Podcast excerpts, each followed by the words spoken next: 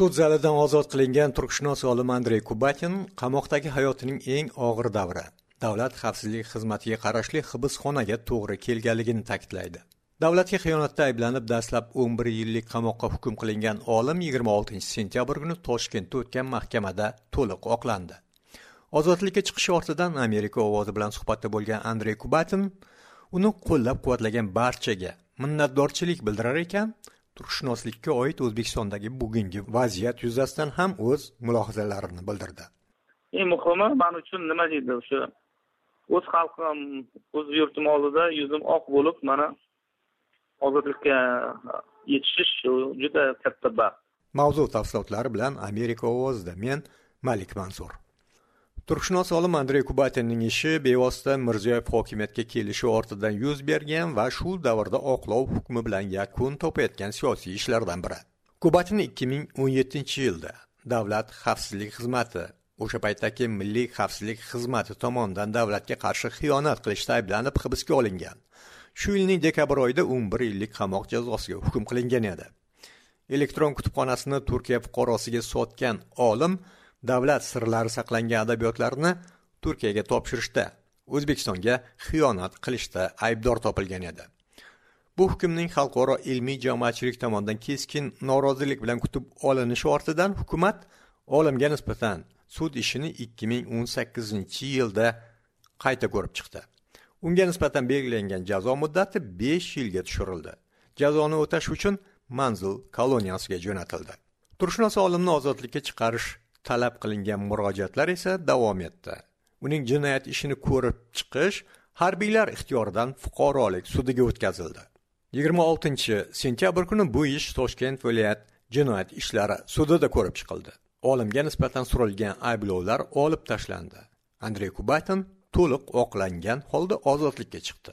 Andrey kubatin amerika ovozi bilan suhbat orqali o'zini qo'llab quvvatlagan barchaga minnatdorchilik bildirar ekan oqlov davlat xalq oldida uning yuzini yorug' qilganligini aytadi.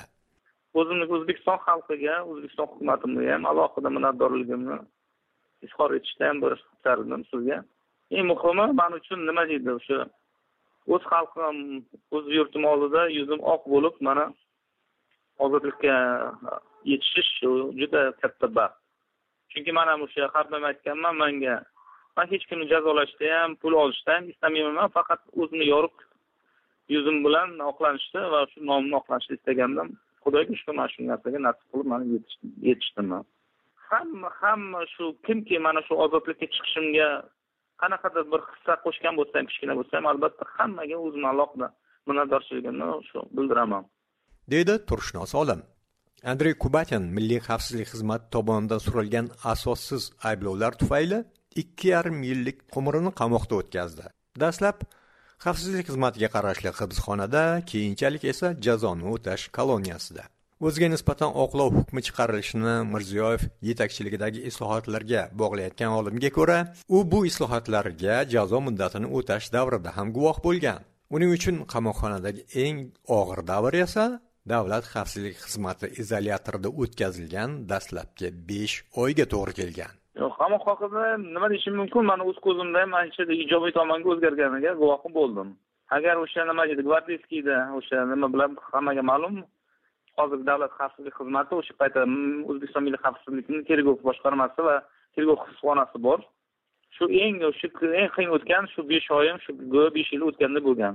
Qolganini bo'ladigan bo'lsa deyarli nisbatan mana ancha yaxshi bo'ldi.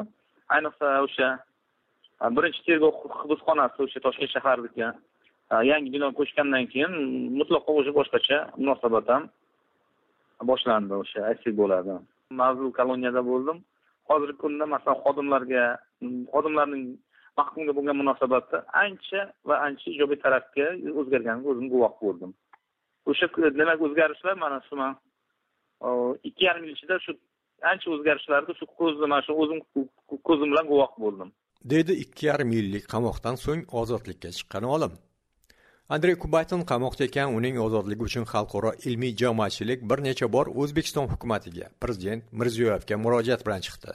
Olimga ko'ra uni o'z safdoshlari o'zbekistondagi ilmiy jamoatchilik ham qo'llab quvvatlagan ozodlikka chiqishi munosabati bilan tabriklar davom etmoqda. O'zbekiston ham ancha olimlar ham o'sha e, hurmatli prezidentimizga bo'lgan murojaatnomada qo'l qo'yishgan ham. Aksar ko'pchilik o'sha o'zbekistondagi ilmiy jamoatchilik befarq qolmadi lekin ancha muncha olimlar masalan kelib mutaxassis sifatida sudda qatnashib o'zini yaxshi fikrlar aytgan ham manimcha ham shu sudning qaroriga ham ancha ta'sir etgan bo'lsa kerak deb ham o'ylayman. Chunki masalan hamma masala mana ekspertiza masalasi bo'lgani uchun biz ham sud o'sha olimlarni jalb etdi o'sha demak o'zimizda va o'sha mana o'zbekistonlik olimlar o'zini fikrini aytib ancha manga shu yordam ham bo'ldi desam ham bo'ladi o'sha. Masalada o'sha ekspertiza noto'g'ri ekanligini isbotlashda o'sha mana bizdagi olimlar fikri ancha yordam qildi. Andrey kubatin o'zbek xalq tarixi etnografiyasiga doir ko'plab ilmiy ishlar bilan tanilgan. Sharqshunoslik sohasidagi yetakchi mutaxassislardan biri sanaladi. Turkshunoslik turkologiya o'zbekistonda siyosiy bosim ostida bo'lgan ilmiy sohalardan biri sifatida qayd etilgan. Ayniqsa sobiq tuzum davrida turkshunoslik bilan bog'liq har qanday izlanishlar shubha ostida ko'rilgan. Sohaga doir ayrim adabiyotlar ham taqiq ostida edi. Andrey kubatin turkshunoslikka oid o'zbekistondagi bugungi ilmiy izlanishlar. Vaziyat haqida shunday mulohazalar bildiradi. Turkologiya deganda faqat turkiyani turklarni tushunadigan bir e, aytaylik e, ajoyib bir insonlar bor. Chala savod mutaxassislar xavf aytadigan bo'lsak e, ko'p bizda shu narsa. Turkologiya degani turkiyaniki emas bizda faqat turklar degani aynan shu hozirgi kichik osiyoda turklar deb tushunadiganlar bir toifa bor. Hamma narsa shundan kelib chiqadi chunki turkologiya kompleks fan barcha turk xalqlarni o'rganadigan o'sha narsa demak o'sha подход yomon bo'lganligidan mana shu ta'sir etgan o'sha narsani eslagan bo'ladi. Va albatta bilamiz hozirgi kunda xohlaymiz xohlamaymiz yirik turkologik tadqiqotlar asosan aytaylik rossiya turkiya qozog'istonda o'tkazilyapti. Bizda ham bizda ham endi to'liq ham shunaqani aytsa bo'lmaydi. Chunki xohlagan odam shu soha bilan shug'ullanishgan shu davr ham shug'ullangan baribir. Bu odamga ham ko'p narsa bog'liq. Nima deydi? Chunki masalan biz mani hamma kitoblarim aynan shu davrda chiqqan maqolalarim shu davrda chiqqan. Turkologiya bu kompleks fan masalan o'zbek xalqini tilini tarixini o'rganish ham aytaylik. Bu ma'lum bir darajada turkologik sohasida o'tkazilayotgan tadqiqot bu masalan. Lekin hozirgi kunda masalan o'sha aytaylik rossiyada garchi o'sha turkiy xalqlar tarixi ancha kamsitilib yozilgan bo'lsa ham hozir masalan qaytamasam masalan rossiyada rossiyada masalan hozir turkolog fani ancha ilg'orlab ketgan. Oxirgi tadqiqotlarni agar o'qiydigan bo'lsak aytaylik o'sha oldin turkiy deyilmagan narsa aytaylik. Qabilalar ham yoki madaniyatlar ham hozirgi kunda bemalol turkiy deb aytilmoqda. Deydi turkshunos olim. Davlatga xiyonatda ayblangan andrey kubatinning ozodlikka chiqarilishi yangi hokimiyat davrida. Siyosiy deb ko'rilgan ishlarga chiqarilgan dastlabki oqlov ekanligi bilan ham diqqatli ko'rinadi. Amerika ovozi radiosi uchun malik mansur.